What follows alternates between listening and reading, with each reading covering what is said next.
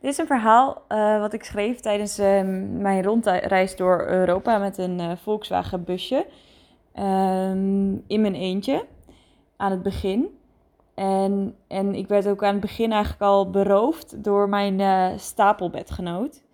Die dus onderaan, onder, onder mij lag. ze nam onder andere mijn rijbewijs mee. wat dus best wel problematisch was. Aangezien ik um, door Europa race in mijn eentje uh, met de auto. Um, en omdat ik dus geen nieuw rijbewijs kon aanvragen. Want ze hadden dus een regel, of ze hebben een regel in Nederland, dat wanneer je je rijbewijs wil ophalen, dan moet je die eigenhandig uh, ophalen van het gemeentehuis. Maar dat was op dit moment gewoon onmogelijk. Eigenlijk de enige legale optie die ik had was mijn busje achterlaten en terugvliegen naar Nederland, mijn rijbewijs ophalen en weer terugvliegen.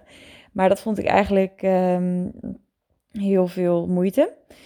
Uh, dus ik koos ervoor om door te rijden. Um, en ik had wel een Italiaans geschreven aangiftebewijs van de politie. Uh, maar verder had ik eigenlijk helemaal niks om te bewijzen dat ik ooit wel een rijbewijs had gehad. Ja, en aangezien ik de oversteek van Italië naar Albanië had gemaakt, was het eigenlijk vrij weinig waard.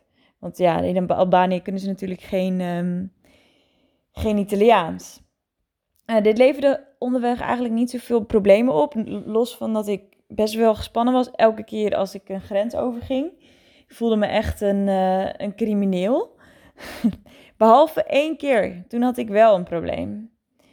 Want ik was bij de grens van Albanië naar Kosovo. Nou, het was de eerste keer dat ik daar was. En ik werd bij de grens al eigenlijk opgewacht door twee harige honden. Die gewoon op de weg lagen te chillen voordat, uh, uh, ja, voordat je de grens overging. Dat is ook al heel bijzonder. Dus ik was eigenlijk al heel erg positief gesteld. Ik dacht, het komt wel goed. Ja, en, en, er waren ook heel veel geduldige en glimlachende mensen. Iedereen vond het eigenlijk best wel leuk dat ik in hun land kwam. Zo leek het. Uh, maar toen het, de vrouw in het grenshokje me vroeg naar mijn rijbewijs, omdat, uh, omdat het nodig was voor een verzekering die je nodig hebt om in dat land te reizen, uh, had ik die natuurlijk niet. Dus ik legde mijn, mijn situatie naar uit van, ja, ik ben alleen op reis, ik ben bestolen in Italië en um, ja, ik heb dus nu helemaal niks om je te laten zien. En hoe langer ik het vertelde, hoe verbaasder haar gezichtsuitdrukking werd, want ze snapte überhaupt niet wat ik daar deed. Ze zei aan het eind van mijn verhaal dan ook van... Jij bent een gek. Waarom, waarom ben je zo jong en waarom ben je nu hier? En waar is eigenlijk je vader? Ja, nou ja, dat, daar had ik niet echt een antwoord op. Los van dat hij best mee had gewild, maar dat ik dat natuurlijk niet wilde. Want dit was iets wat ik alleen wilde doen. Nou, gelukkig, echt, echt gelukkig, streek ze uiteindelijk over haar hart en liet ze me door. Zelfs met korting. Want uh, voor een jonge meid als ik, dan is 50 euro was echt te veel, zei ze. en dit was voor mij eigenlijk wel een soort voorbeeld dat het niet altijd goed is om precies volgens alle regels te leven. Want soms uh, zijn regels gemaakt, eigenlijk altijd zijn regels gemaakt door mensen. En mensen maken nou wel eens fouten. En ik zat in mijn situatie een beetje tussen de regels in. En geen enkele Nederlandse instelling kon mij überhaupt helpen uh, met deze situatie. Want ja, uh, ze wisten niet echt wat ik moest doen.